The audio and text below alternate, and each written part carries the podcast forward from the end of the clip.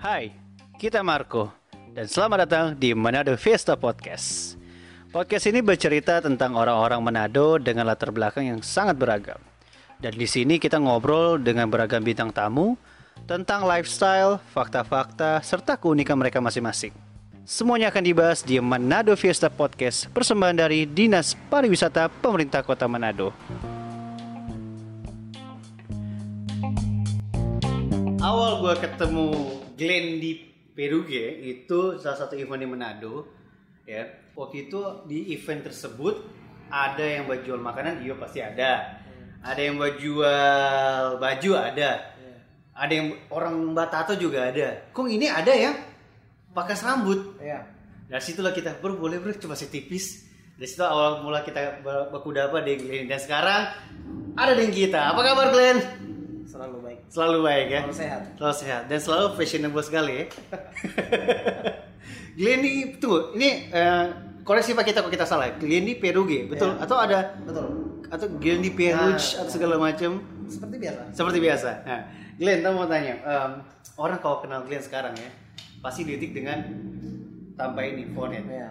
Boleh nggak ceritakan sedikit di balik ini fonet ini, maksudnya kenapa nggak tiba-tiba buka usaha barber? Sejarah barber lah. Kita pakai Bahasa Manado juga. Manado juga supaya orang kan for Manado. Iya. Jadi Fonet itu pertama kali itu kita baking 2014. 2014. 2014. Di sini Oh enggak, sebelumnya masih di Kipawa dulu. Di kampus bawah. Unsrat. Siap ya. Unsrat. Waktu itu sebenarnya idenya dari 2013 akhir itu. 2013 akhir Ya. ya. Cuman kan proses juga tuh. Ah. Eh, sambil ya cari tempat lah dan lain-lain belajar-belajar juga otodidak waktu itu Hmm. jadi jadi saat itu 2000 eh 2014 akhir eh, enggak dua September September Iya. Ah, September orang buka Mar waktu itu Sodeng Black Up Deng Timeless waktu itu kalau nggak salah Tiga serangkai sih. ya Kita ingat ngomongin tiga serangkai. ya itu dia eh cuman waktu itu kan kita Deng Bian Hmm. Deng Bian waktu itu Bian Anugrah. Ah, belum belum seramai yang ini begitu Berarti tahun berapa itu tadi nggak bilang? 2014 2014. Pada saat 2014 udah banyak ya barbershop barbershop di Manado. sebenarnya Sorry, paham tuh? Barbershop bukan yang pangkas rambut. ya kita tahu maksudnya gini Supaya yang dengar yang nonton juga sebenarnya- mengerti. iya sebenarnya barbershop itu sebenarnya so ada ini kan bukan sebenarnya bukan pekerjaan baru Oke. salah satu kalau ditelusuri sejarahnya barbershop itu malahan pekerjaan mungkin salah satu pekerjaan tertua Di dunia ya. di dunia dari sebelum masehi pun dari dari zaman sebelum sebelumnya pun mem- memang barber itu memang sudah ada begitu jadi kalau misalnya mau dibilang barbershop di Manado pertama mungkin enggak karena eh kursi-kursi barber yang ini pun Iya. kita ambil dari barbershop lama di Manado begitu Oh, oke. jadi memang sebelumnya memang so ada begitu. Cuman mungkin eh, apa namanya di ini kan so zaman modern Iya. gitu. Jadi mungkin ya bisa dibilang anak-anak kalau yang sekarang Eh, milenial milenial. ya milenial anak-anak 2000-an paling ya orang bilang oh barbershop pertama di Manado ini. Banyak kita dengar Itu. itu ya. Karena mungkin ba- bagi orang eh, barbershop ya tempatnya seperti ini. Karena jujurnya waktu tolong SMP ya tolong pergi ke itu tadi bilang Ya, pangkas ya, rambut. betul. yang DP bangku ya udah. Kadang ada yang begini, Ya. kadang yang bangku besi. Ya, cuman kan sebenarnya kok bar- barber kalau misalnya mau detailnya Iya, soal boleh, barber, boleh, boleh. Kita cerita sedikit detail soal barber. Sebenarnya kan barbershop itu kan bahasa Inggris sebenarnya. Oh iya kan betul. DP bahasa Manado bahasa bahasa Indonesia tempat potong rambut, cukur rambut. tempat cukur rambut, Pangkas tempat rambut pangkas juga. rambut sama sebenarnya. Begitu. Kok Jadi yang DP beda kalau sekarang dah? nah, itu lebih lebih luas lagi, Ah, lebih detail dan lebih luas lagi sebenarnya kalau bicara soal barber. Jadi eh, barber itu dari bahasa Latin dari kata barbier, Barbier. barbier. Makanya opa-opa kalau sekarang ketemu opa-opa zaman yang masih ada sekarang kalau ketemu dua orang yang masih rambut-rambut limis suka basisir itu dua orang dia bilang barbier. Karena itu dari bahasa Belanda barbier itu. Oke. Tapi sebelum orang semua tahu kata barbier itu sebelumnya ada kata barba dulu. Bar Barbi, barba. barba. Artinya jenggot. Oh, itu barba bahasa Latin. jenglot. Itu bahasa Latin.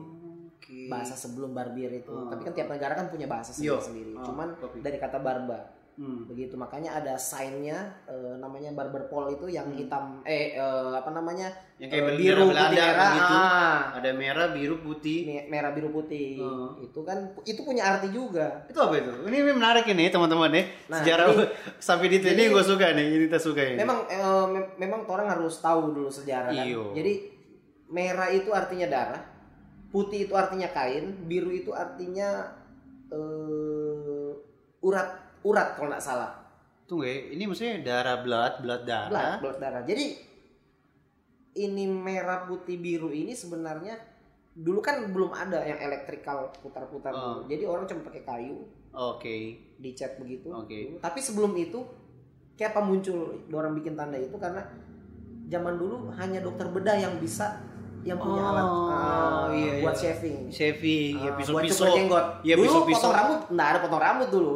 Belum ada style, clipper. nggak ada style. Ah, ah, Gitu. Iya, iya, iya, iya. ya kan jadi orang cuma dokter bedah yang bisa melakukan itu jadi itu dari eh, dorang jemur apa namanya kain dorang pakai kain kain putih itu dijemur Aha. masih pe- ada bercak darahnya itu ya itu loh ditiup angin ber Apa ya, dipilih madang? Kalau sekarang apa dipilih nama tuh? barber pole Barber pole, diputer gitu gitu. itu sejarah Sejarah ya, Sejarah. sadis, sadis. Nah, ada yang bilang pak kita bedanya eh, orang-orang biasa ya, beda sekali anak pergi ke tanpa barber shop dengan pangkas rambut. Hmm. Beda ya, kita bilang beda, bukan bagus mana bagus mana jelek. Hmm. Kita bilang beda, bedanya contoh lebih ke hasil. ya Ke- Dan kita akui, karena kita pernah tes ke tempat pangkas rambut, bilang saya tipis dong. Hmm. Yaudah, dia percaya aja sama tukang cukurnya. Jadi udah jadi. Cuma ada hati yang merasa ganjil.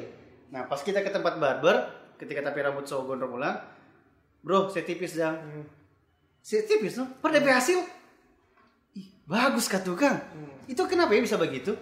jadi mungkin kalau yang sekarang-sekarang mungkin lebih ke edukasi Edukasi, maksudnya? Edukasi. Maksudnya eh, tukang cukur rambut itu sebenarnya bukan hanya tahu tipis kanan kiri sebenarnya. Bukan juga dia karena kerja di barbershop sebenarnya, tapi banyak juga yang kita kenal ya selama kita kerja ini. Ah, Ada yang kerja juga cuma di pangkas rambut, Oh, yang iya? cuma dibayar 15 ribu, 20 ribu, tapi jago juga.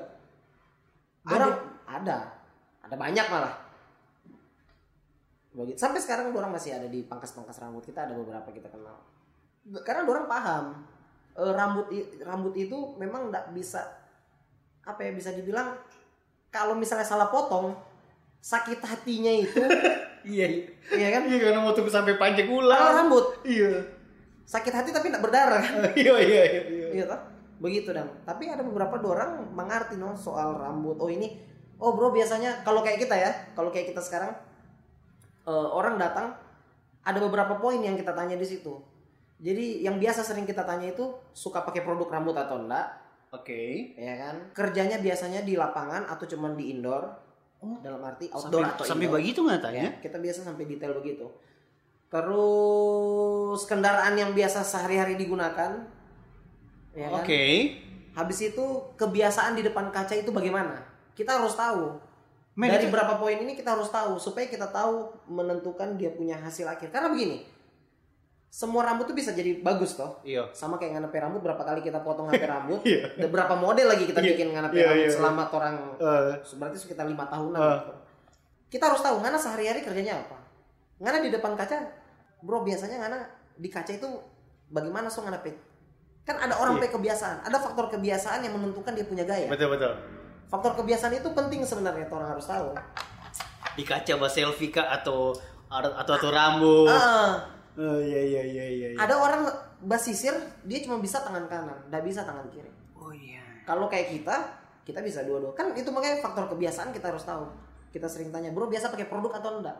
Maksudnya produk itu apa eh, minyak rambut Kayak minyak kah? rambut kayak pakai hairspray kayak pakai Oh. kan produk rambut banyak ada Oh. minyak rambut ada, ada yang berminyak ada yang pomade ada yang eh, kering Oke. ada yang hairspray Oh. gitu dari situ eh, kita tahu ini orang ini jadinya nanti bagaimana rambutnya sekarang begini ya kok Ngana misalnya datang Oh. potong rambut blend kita mau potong rambut sehari-hari Ngana naik motor Ngana jarang basisir apalagi pakai pomade Eh. waktu kita finishing di sini ya kan? Iya, iya. Kita kasih pomade, Eh, rapi, rapi bagus. rapi pasti bagus, Ganteng, pasti bagus. bahagia. Tapi besok dan satu bulan dan dua bulan kemudian belum tentu Ah, mana pakai minyak rambut, eh produk rambut itu begitu iya. Itu berhubungan ya? berhubungan. Berkesinambungan ya? Ah. Dan itu akan merembet terhadap ngapain passion Ya, ya? Passion, jadi- passion Uh, jadi sedang. jadi jadi dulu kita kita kita kan belajar juga otodidak Hmm. tapi banyak juga kita keluar kota eh, ketemu teman-teman yang Iya. di luar sana akhirnya kita dapat kayak kita eh, kayak kita mengembangkan sendiri kita punya eh, kecintaan soal rambut ini jadi kita tentukan kan biasa kayak contohnya lah tukang tato itu kan tidak semua dia bisa nato ada yang cuma black gray ada Iya. yang cuma warna ada Iya. yang cuma macam-macam Hmm. Nah kita juga menentukan kita pe eh, karakter, cara potong rambut dan penyelesaian akhir dari rambut si customer itu Hmm. tipenya apa, begitu. Nah kita mengambil ibaratnya mengambil jalur natural look. Hmm. Kita kita eh, setiap hari hampir hampir setiap hari kita bikin natural look tanpa produk. Makanya orang suka potong rambut biar nggak pakai produk rapi. Iya, dia cuma sisir dengan tangan jadi itu. Nah, gitu. Karena kan ada orang yang hobi pakai sisir, Ah, cuma ada pakai cuma tangan. tangan. tangan. rupa kita cuma ah, tangan jo. Yo begitu maksudnya. Oh itu edukasi maksudnya. Nah, itu maksudnya. Berarti selama ini banyak. Oh iya kita kita Itu, mengerti. itu kita pe maksud edukasi. Kita mengerti. Sekarang kita relate kenapa? Duh, pe mahal do eh, di barbershop. Ini mau kalau tersinggung ya. Duh, pe mahal di barbershop begitu harga-harga seakan seharga nasi campur 5 biji Ah. dibandingkan mau nyetor pergi di pangkas rambut yang cuma 20 ribu lah begitu. Coba ya. Karena you know lah, kita Iya. tahu semua DPS bagaimana. Jadi ternyata itu pembedanya. Ya, begitu. Bukan cuma dari harganya aja, cuma memang ada edukasi dalamnya. Sama halnya dengan yang ini, kita kenal ya seperti tadi nggak bilang, Tono so kenal itu dari lima tahun lalu, lima tahun kita lihat nggak dari mulai ngapain postingan di Instagram, Torong Baku apa model rambut pun karena so pernah lebih banyak banyak tuh. Sebanyak. Sebanyak. dari warna rambut. Warna rambut, ah, model segala macam, ya. Semua So itu pasti hubungan dengan fashion toh. pasti. Sekarang seberapa pentingkah rambut kita yang di kepala atas ini terhadap fashion looks yang anda bawakan? Ada orang yang sorry, ada orang yang kita cuma pikir tapi outfit Jo, Outfit. rambut biar coba begini Jo terus. Ah. Setuju kan dengan itu atau ta- apa nggak tanggapan so? Ya kecuali dia David Beckham lah. Coba kan lihat David Beckham itu Iya iya. biar dia mau pelontos botak licin tak gagah tuh. Iya. Kita. Oh iya. Gitu. Jadi kita rasa menurut kita rambut itu sangat penting menunjang. Menunjang. Indonesia. Cowok cewek juga. Cowok cewek juga. Cowok cewek juga. Cowok cewek juga. Gokil gokil. Jadi rambut itu memang ya namanya juga makanya disebut mahkota. Rambut adalah mahkota. Rambut dan mahkota ya. Ya. Nah, yang tanya begini. Bu- Buka usaha barber di tahun 2014-15 ya kan. Eh, dan pada saat itu prospek barbershop ya, prospek barbershop di Manado pada saat itu bagaimana? Apa bisnis maksudnya? Yap. Waktu itu kita nggak pikirkan bisnis masalahnya. Awal mana buka barber tuh eh, satu kali bagunin ber- dibayar berapa? Sepuluh ribu. Berapa? Sepuluh ribu. Sepuluh ribu. Sepuluh ribu. Dibandingkan dengan sekarang, serius? Ya. Sekarang kan so jauh dari itu. Iya iya maksudnya so sepuluh ribu. Ya. Berarti kan lebih murah dibandingkan pangkas-pangkas rambut yang lain sana dong. Lebih murah. Nah, itu pada saat itu gimana prospeknya bisnisnya? Kenapa bisa berkembang jadi berani naik begini? Maksudnya pros- prospek bisnis Iya. toh. Waktu mulai. Iya. Kita nak melihat peluang bisnis di situ. Kok buat apa nggak buka barbershop? Ya kita bikin kita bikin barbershop tuh kayak ya untuk bekerja. Bisnis dan bekerja itu beda. Oh, jadi pada situ kan cuma untuk bekerja. Untuk bekerja, untuk, bekerja. hidup, Untuk hidup. untuk hidup, bukan untuk kaya. Ah, Itu kan beda. Mar lihat sekarang ya, lihat. Belum kaya kaya juga.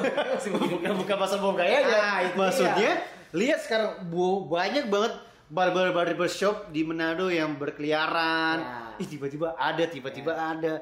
Tiba-tiba hilang juga banyak. Dan iya tapi orang-orang pasti triggernya ya udah Fonet, udah Fonet barbershop, udah Fonet barbershop. Ya bisa Bisa dikatakan seperti bisa itu. dikatakan seperti itu walaupun tidak semua orang Manado tahu tempat ini.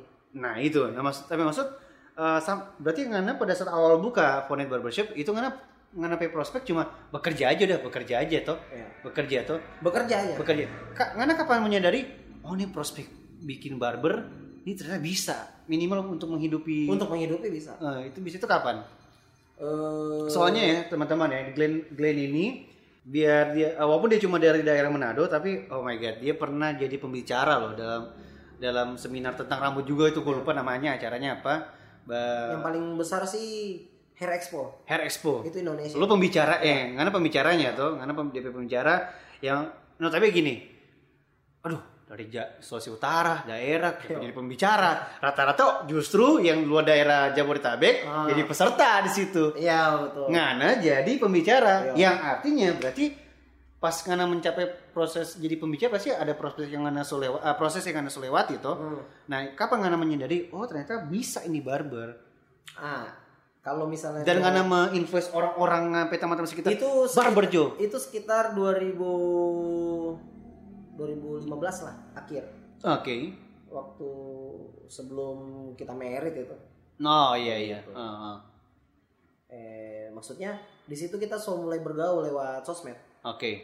begitu. Jadi kita ditambah lagi kita kalau misalnya mau dikepo ke bawah ke bawah lagi zaman-zaman yang dulu, Ya I know you, I know. Main, Kita- foto, main foto lah segala macam. maksudnya di in- maksudnya di, Di sosmednya Fonet Barbershop. Oh iya. Itu banyak sekali kon- waktu itu orang belum bikin-bikin konten potong rambut, bikin ini bikin itu kita so bikin dulu kan. Oke, Jadi dari situ orang lihat, oh ternyata di Manado ada barbershop, Hmm. ada barber sama deng Fonet Barbershop. Hmm. Nah dari situ kita kenalan dengan orang luar, ya sampai di Sampai- dipercaya gitu, Sampai dipercaya. sampai dipercaya. Sampai kayak gitu. ya. Terus Ya. eh Ngana ini pernah eh, lihat di eh, postingan bahwa Ngana sempat buka kelas toh. Ya. Dari mulai yang free Ya. sampai berbayar segala macam. Apa gitu salah satu Ngana buat kelas seperti itu tujuan untuk Kelas meng- di mana nih? Lokal sini. Iya, di benar-benar aja. Untuk meng, apa ya, mengundang anak-anak anak-anak muda segmentednya untuk ayo mari juga ber- eh, buka barber segala macam itu. Apa ya itu ngapain tujuan? Atau hanya sekedar edukasi aja? Hanya se- bukan hanya sekedar edukasi juga, tapi dua-duanya itu. Dan maksudnya begini, kita mungkin siapa yang tahu kita ini ibaratnya jadi tukang cukur rambut. I see. Nah, orang lain pun begitu. Buktinya kita pekas kita pe teman-teman barber yang sekarang so eh, maksudnya so banyak yang so jadi jadi barber jadi tukang cukur yang bagus itu ya maksudnya kita mau suka lihat mungkin ada sesuatu di dalam diri yang tidak tergali mungkin Hmm. makanya kita mengajak orang supaya mungkin siapa tahu ini nganape kan begitu Iya iya iya iya. Iya kan? Ah. Ada beberapa teman yang akhirnya jadi barber di, sini Ada. dari teman-teman, dari teman-teman customer. Hmm. Ada, Ada beberapa, ya? Ada ada, semua. beberapa, ada ada berapa customer kita pe customer buka barbershop di Manado? Ada beberapa. Ada beberapa kas- ada beberapa kita pe customer jadi tapi tukang cukur juga di sini. Ya kan? Ada beberapa teman yang jadinya tukang cukur juga. Itu Jadi kan maksudnya rata-rata dari Ngana kat. eh, dari kita, maksudnya Ngana yang bilang, eh mari kita orang buka ini. coba, coba, coba nggak coba, begitu loh. Oh bukan Ngana. Kenapa? Mari Jo. Dicoba gitu aja. Iya. Ternyata oke, tapi kan memang beda-beda. Hmm. Beda-beda orang, beda-beda juga eh, dorang pe kemampuan menganalisa dorang pe diri sendiri. Hmm. Ada orang yang niat, ada yang malas. kunci dari bar eh, membuka nih barber barbershop ini adalah selain malas itu jangan malas itu adalah apa orang mesti berbakat sekali kan Enggak juga sih. kita nih tau kita belum pernah sama sekali bacukur ini Glenn Oh. kita belum sama sekali bacukur nih tau bacukur segala macam mar boleh nggak ya kita jadi seorang barberman Banyak tukang cukur yang bankers, kita pe teman orang-orang sukses, ada beberapa orang kerja bank. oke Dorang belajar jadi sukses, lebih sukses dari kita lagi. Nggak ada, nggak ada yang tahu. I see begitu loh. Nah. Waktu waktu kita ingat dulu waktu kita eh, foto video, kita hobi dulu foto video. Ya orang tua waktu itu cuma bilang apa? Ngana nggak akan dapat doi dari sini. begitu loh. akhirnya kan buka nih barber Apalagi apalagi dia jadi tukang cukur. awal-awal pun cuma sepuluh ribu kan tuh eh Orang tua paling bilang apa? Gitu. Waktu itu tapi kan pembuktian. nah eh, kita hanya perlu bahas lagi soal barbershop zaman Ya. dulu kayak gimana mas Ya. sekarang let's talk about now Ya. about this now generation ya sekarang kan era digital kuat sekali ya Ya. kuat sekali Akan ke situ. apa nggak bilang Akan ke situ. gimana caranya akan ke situ dan maksudnya maksudnya eh, sekarang akan sekarang ke kan nggak bilang eh, dunia barber dan digital eh, akan ke situ Ya. ke situnya dengan kayak gimana ada konten kah atau apa segala macam bukan masalah ada konten atau apa. Saat orang kehidupan tiap hari itu adalah konten. Ah, oke gue setuju. Tergantung tergantung orang mau menyebar luaskan atau Iya enggak. betul betul betul iya. Ya kan? terbukti kita pakai kehidupan sehari-hari juga bisa jadi konten siapa pun sebenarnya toh Orang coba lihat. maksudnya Iya, iklan di fashion bagus sekali jadi segala iya, macam. maksudnya begini kok eh, digital toh ini tuh orang kalau misalnya singkatnya kalau orang bilang digital kalau kita feeling tahun depan itu akan lebih signifikan digitalisasinya seluruh dunia ini begitu Bagaimana dengan barber ini? Kalau misalnya ada anak muda, aduh gue pengen buka, kita pengen buka barbershop nih. Menurut kalian apakah bagus lah tepat atau Tepat apa macam? Kok modal utama kalau misalnya bikin barber? Mesti sama dengan mesti mulai dari sepuluh ribu dulu harga atau? selama selama peraturan rambut harus pendek di suatu organisasi atau institusi barber pasti akan tetap laku Aduh. Iya iya iya iya iya iya betul kita mengerti. Ah, karena mengerti maksudnya Selama ada Iya kan? selama selama suatu institusi atau organisasi atau apa pun pekerjaan itu yang mengharuskan rambut itu harus rapi dan pendek pasti ada.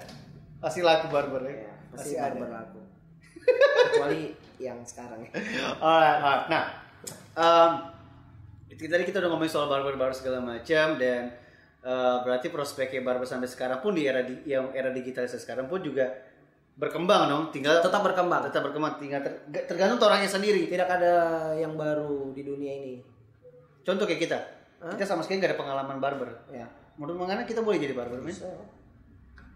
salah satu kunci jadi tukang cukur rambut itu jago speak Jago balamu dah. banyak yang banyak yang cukurannya biasa-biasa tapi jago speak makanya customernya banyak Wait, wait, wait. Coba nggak ulangi bagaimana? banyak cukurannya cuma biasa Oke. yang nggak ada pengembangan di fashion Aha. tapi cukurannya flat begitu begitu terus sepanjang tahun mar customernya banyak karena Itu dia, kan- karena dia jago ngomong Treatment. bahasa Indo- bahasa Belanda jago baisi Jago sih. nggak ngerti tuh I see, I see, I itu. see, I see. Nah, ngomongin soal orang Manado yang dengan fashionnya fashionnya banyak. Dari mata seorang Glenn Peruge ya, Hah? orang Manado tuh kalau berfashion itu seperti apa sih? Menurut ngapain orang opini Manado? Menurut ngapain ngapain opini Seperti sendiri? kita. Iya, ter- eh, terlepas mau gender cowok atau cewek. Orang menurut kita ya Iya, ya apa ya apa? orang Manado pada umumnya ya Iya, Bukan- betul. bukan bukan pada umumnya ini yang kalau kita lihat biasa Anda? di jalan di mantos Iya, di pokoknya begitu gitu juga. kan.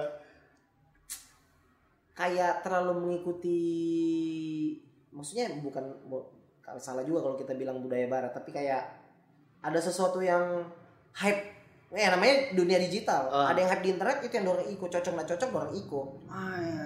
Lo ngerti nggak sih Iya, iya, iya, iya, paham. padahal sebenarnya kalau menurut kita Ah. fashion itu for kita Ah.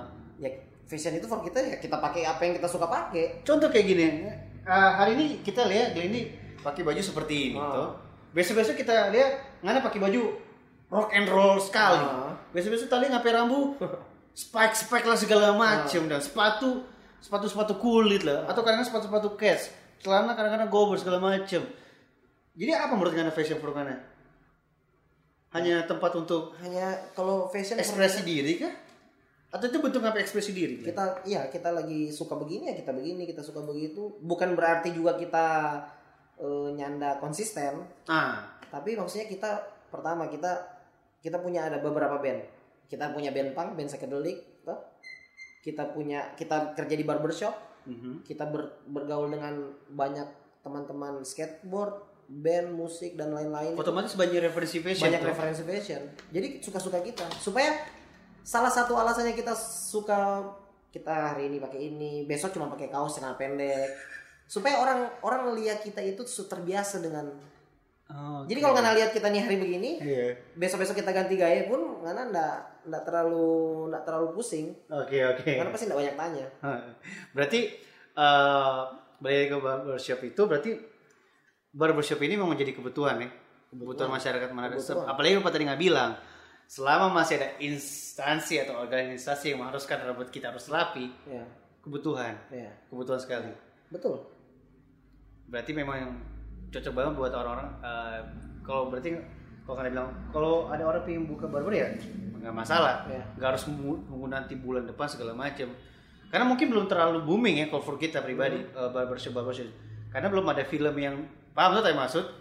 Rupangana bilang untuk Manado apa yang hype itu di Iko Fashion. Sama halnya kayak di lagi film-film bioskop filosofi yang apalah itu yang minum-minum air kopi, mendadak semua buka Ya. coffee shop. Ya. Sampai ada film yang bikin tentang barber. Sebenarnya kalau kalau kalau Indonesia, kalau kalau oh Indonesia versi belum Indonesia ada. belum ada. Belum. Triggernya masih ya influencer influencer lokal lah ya. Nah, sekarang karena orang lagi uh, take podcast podcast ini di ma- masa-masa pandemi uh, COVID-19 ini dia ada dampaknya enggak?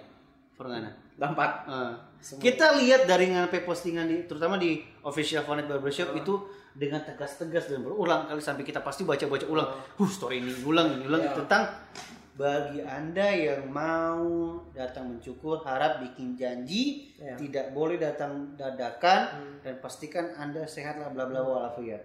Correct me if I'm wrong. Sebenarnya sih eh, kita bikin itu hanya apa ya? Maksudnya ya sekarang siapa yang nggak rasa itu? Semua semua merasakan hal itu toh. Apalagi karena pekerjaan barbershop harus berhubungan dengan orang, Iya. berkontak erat Ah. dengan orang. karena karena begini salah satu alasan kenapa kita bikin eh, kayak ya semacam story lah Iya. IG story biasanya Hari-hari kita lihat ngapain story sih Bapak tapi gitu. sekarang sekarang sonda mungkin bulan-bulan yang awal-awal mungkin kalau sekarang sonda tapi yang pertama itu maksudnya begini kebanyakan orang tanya ke kita bro mana steril nggak di situ dibilang gitu. Iya, kita tanya balik mana yang steril nggak datang kemari? Makanya kenapa kita bikin itu? Maksudnya apa? Oh. ya supaya orang mawas diri. Begitu. Ya kita juga waspada. Kita pe orang saling waspada. Tanpa harus kita tutup kita punya toko kita waspada juga. Oke betul. begitu. karena orang nggak tahu apa yang akan terjadi besoknya. Hmm. begitu loh. Sedangkan kita hampir pernah kena razia juga di sini karena kita buka. Untung lagi nggak rame. Hampir cuman dilihat dari luar ada beberapa oknum Oke, i- ini berarti eh, memang agak dak dik duk der lah ya kalau misalnya. sebenarnya Apalagi ya, tempat ini tempat yang memang harus ada orang datang. harus ada orang datang betul. bukan nggak ada harus ada orang Ya. datang. Kamu eh, selain melakukan seperti itu edukasi ke ngampe customer untuk tetap eh, janjian dulu, Ya. make appointment, jangan dadakan. Selain itu setelah itu apakah berhasil atau tetap ngapain omset bagus atau gimana? Nah, omset pasti ya, hancur juga nggak seperti biasanya begitu pasti nggak seperti biasanya juga karena memang kondisi ini siapa sih yang merasakan keuangan yang bagus kita rasa semua loh Semua ya. walaupun nggak 100% semua tapi sebagian besar But at least uh, uh, Anda bisa survive tuh. Ya untuk hidup oke lah Untuk hidup masih oke. boleh lah masih untuk Masih makan oke Masih boleh, masih boleh. Oh. Alright. Dan ya kita sih harap semua pembicaraan soal tentang virus ini semua tetap ber- Ya. cepat selesai dan segala macam. Uh, baik lagi kita mau nanya uh, kalau misalnya kita tanya tuh ada titipan pertanyaan. Coba mana tadi pertanyaan sini? Coba tadi mana pertanyaan sini? Udah dihapus atau belum? Nih gue minta sini. Uh, seberapa konsisten barbershop Nifonet ini akan menjadi fanbase fashion di Manado? Karena secara secara nggak langsung Fonet Barbershop ini, duh laki-laki ya. ya kita mau bagai rambut Fonet.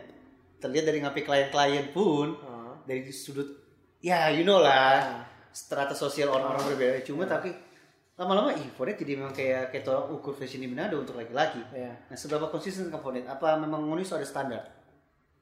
kita maksudnya untuk eh, supaya dicontoh orang begitu Nah iya tadi maksud.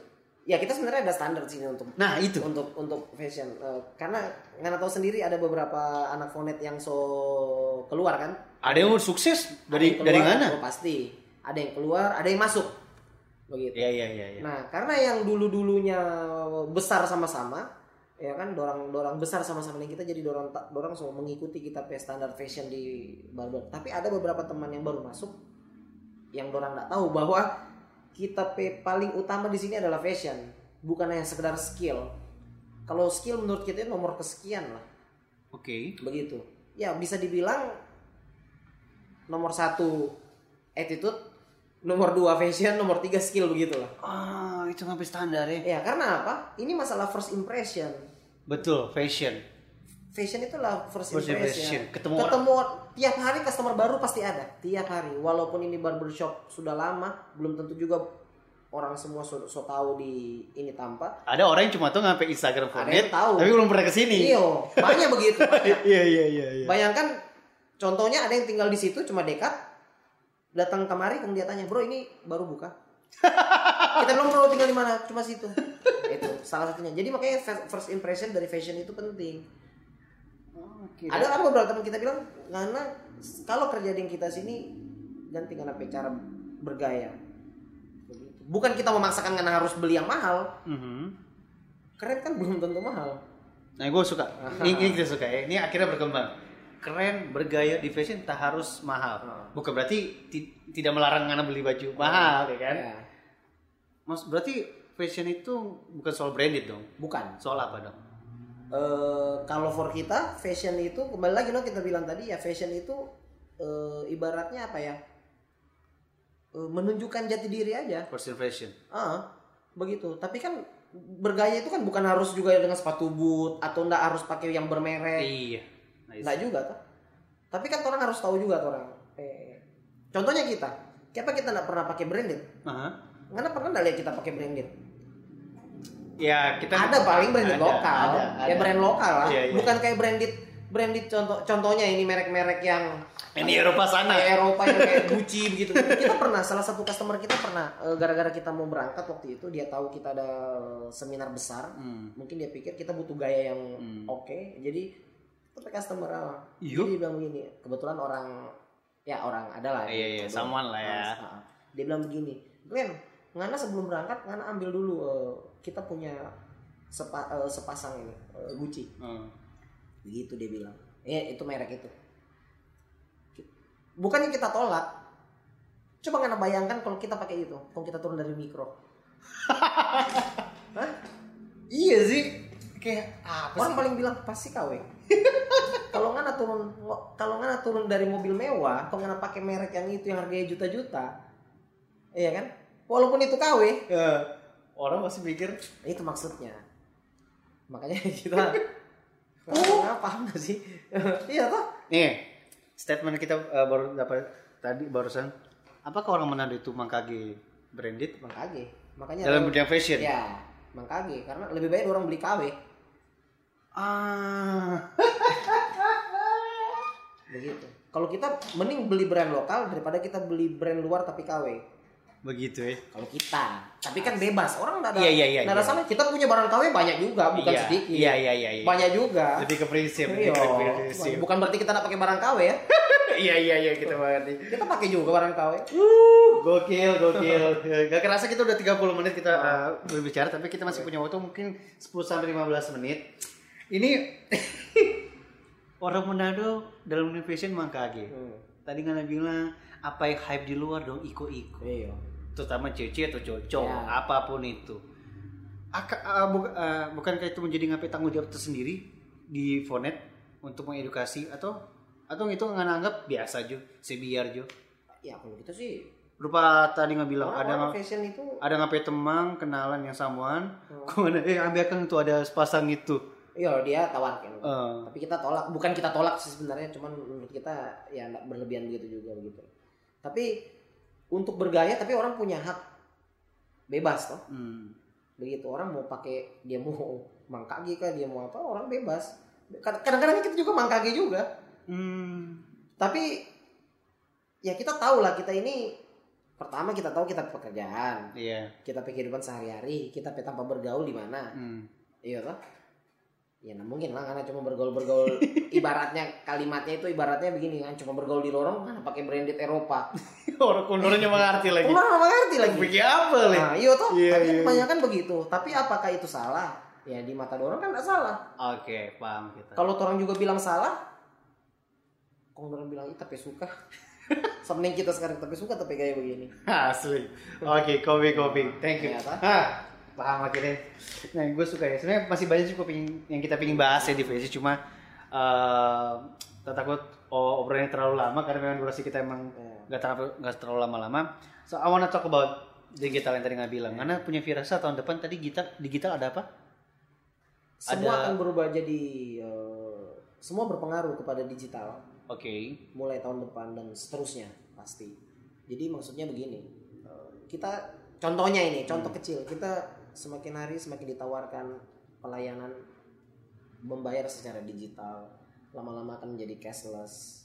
Tapi apakah pengaruh untuk pekerjaan? Mungkin dari sistem keuangan mungkin yang mempengaruhi. Hmm. dan dari segi mungkin di luar ya mencukur mencukur saja. Karena menurut kita ada ada poin penting ini kita mau bilang. Menurut kita ada hanya ada beberapa pekerjaan saja yang tidak yang yang tidak bisa tergantikan oleh mesin. Hmm.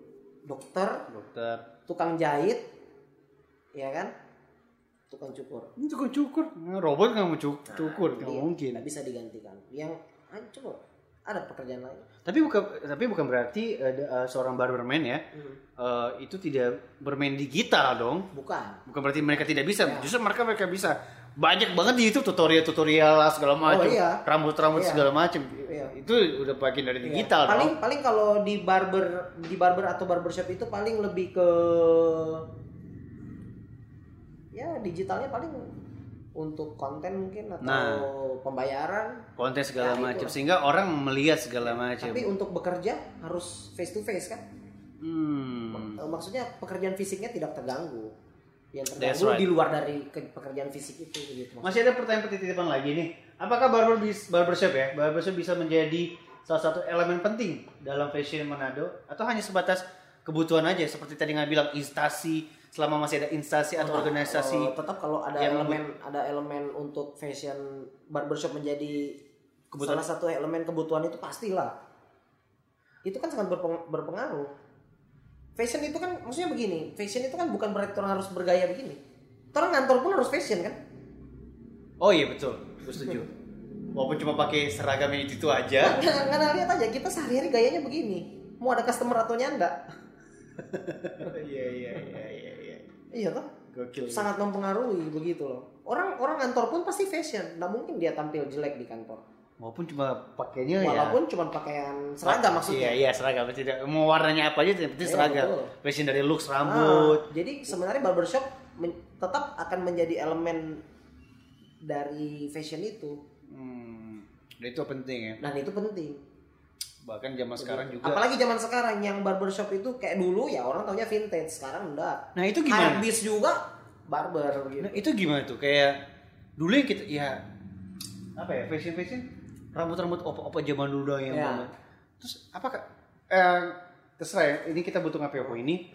Menurut kita stylist dalam fashion dalam apalagi dunia barber itu berputar ya situ-situ aja. Ya, One day kita akan eh, model lagi rambut-rambut gondrong. betul. Tapi, tapi siklusnya nanti akan rambut pendek-pendek segala macam. Itu apakah seperti itu dalam dunia Dalam barber? dunia barber makanya tadi kita sempat bilang tidak ada yang baru Ah. di bawah matahari selama dunia ini diciptakan. Selalu berulang-ulang dan selalu terulang. siklus. Memang sama seperti Sama dia ngapain rambut ini sama ya maksudnya emang sama seperti eh, fase itu ada fasenya Oh. dan akan kembali begitu lagi sekarang orang lagi banyak request apa satu tahun terakhir ini lagi banyak request model rambut two block Two block itu yang gimana tuh? ya orang bilang sekarang Korean style sekarang Aduh, iya iya. Mana mengerti tuh? Iya. orang bilang Korean style Iya iya. kita boleh bilang zaman kita zaman kita punya CD CD VCD Iya iya. Westlife Iya iya iya. Uh. Westlife itu Iya. cukurannya apa kalau bukan two block Iya fase. Tapi karena Fase. yang hype sekarang Korea Korea, apa katanya? Eh, drakor drakor. Iyalah. Nah, itu maksudnya. Alright. Jadi tidak ada yang nggak ada yang baru di dunia ini, selalu terulang. Alright. Oke, di pertanyaan terakhir ini, em, ini apa nih? Ada lagi titipan ya? Jadi eh, ngapain statement tentang barbershop dan fashion itu kita rasa udah apa ya sudah disampaikan melalui torompe obrolan-obrolan tadi Ya. Nah yang kita mau tanya gini karena ini podcast ini ada berhubungan dengan kota Manado, Ya. which is tentang eh, di kota Manado kan selalu ada event setiap tahunnya. Oke. Nah ya ki- kita semua dan Ngana juga tahu semua kalau di Manado itu ada event tahunan namanya Manado Fiesta. Yap, Nah harapan Ngana di Manado Fiesta tahun ini tuh apa? harapan. Iya. Untuk Dalam dunia fashion. Dalam dunia fashion. Betul. Jujur ini kita bicara. Silakan, ini Kita, ini kita bicara jujur. Jujur aja nggak masalah, jujur. Kita Mana harap mana ada Fiesta so keberapa kali kita? Apa dong ini? Sa- ah, ini keempat tahun keempat. ini keberapa? Oh kelima, kelima, Tahun ini kelima, kelima. Hey, Manado Vista tahun ini masuk 100 agenda Wonderful Indonesia. Oke. Jadi- cuman kalau misalnya anak apa tadi kan apa pertanyaan kita? Harapan, Harapan. Vista tahun ini. Eh, kita nggak bicara Vista kemarin-kemarin. lah. Ah. Harapan sekarang lah. harapan sekarang ya Di karena ini. maksudnya begini kita kita kita bis kita kita eh, karena kita nggak tahu yang kemarin-kemarin Iya, iya, iya. kita nggak pernah terlibat dan kita Ah. juga nggak tahu kita nggak pernah ikut sama sekali Manado Fiesta tahun ini di bidang yang fashion. tahun ini harapan tahun ini Iya, jujur, jujur. Kita suka jujur ini. kita tadi kan sempat tanya tuh di belakang apakah Iya, iya. apakah ini ini kan masalahnya pandemi Iya, iya. sementara wabah Ah. tuh apakah ada Ada. nah itu yang kita Dengan versi tahu. dengan versi digital. digital berarti harapan nah, itu kita mau tahu dulu jadi harapan kita Versi begini tuh orang Nah, itu dia, dia kita ya kita, kita pe harapan karena ini digital karena ini virtual sebisa mungkin dikemas secara menarik Ada ada ide atau ada saran atau apa? Saran Jo, Saran. Yang jujur. bagi-bagi bagi-bagi kuota Internet ya, Pak. internet lah Betul. Well, that was so much fun. Saya bisa ketemu lagi dan ngobrol lagi sama Glendy dan by the way, uh, eh sorry masih bisa buka kan? Fonet nih masih masih buka ya? apanya maksudnya Masih buka dong besok besok. Uh, maksudnya walaupun pandemi Bukan, begini. kita anti tutup-tutup klub Yaudah, for kalian yang pingin uh, tahu lebih dekat Glendy, langsung aja cari the one and only Instagramnya Glendy Peruge. Ya. Ya. Karena gampang kan kalau Instagram kan tinggal main follow-follow aja. Kalau Ya. Facebook kan aduh mesti add friend lagi Ya. segala macem, ya kan? Tapi kalau kalian pingin tahu di mana itu fan, langsung aja Instagramnya @fonet barbershop barbershop. Eh, pertanyaan ter- uh, terakhir ter- tertinggal. Ah. Fonet apa itu artinya? Kenapa namanya Fonet barbershop ya? Barbershop ya tempat cukur rambut, tapi what's the meaning of Fonet? Fonete ya, Fonete. Double T. ini sebenarnya hal yang paling penting sebenarnya Ya, apa ini Fonet ini? Itu arti nama Fonet. itu nama tengah istri Oh. begitu jadi eh, mau cerita sedikit ini ya? Boleh, boleh. boleh ya? masih masih boleh jadi dulu kita nggak nggak punya kepikiran nama Fonet cuman nggak tahu ya kita tiba-tiba waktu itu juga dekat dengan tapi mai tua istri Iya. ini dan dia punya nama yang bagus kita pinjam namanya Fonet. kita bilang ya nganape nama ini kayaknya membawa membawa berkat for orang semua Kayaknya manusia. Peruge barbershop begitu enggak ya? bisa aja sebenarnya bisa aja sebenarnya Cuma barbershop itu kepikiran Fonet. singkat cerita dulu kita punya nama sebenarnya Mars Mars? singkatan dari Ma Manado Barbershop Mana ada singkat cerita barbershop? Oh, oke. Begitu. karena karena eh, kita punya teman di Balikpapan dia punya nama Bar waktu itu Balikpapan barbershop. Gua kita bikin Manado Barbershop Manado Barbershop, Ternyata Mars. kita browsing pet shop nah, jadi.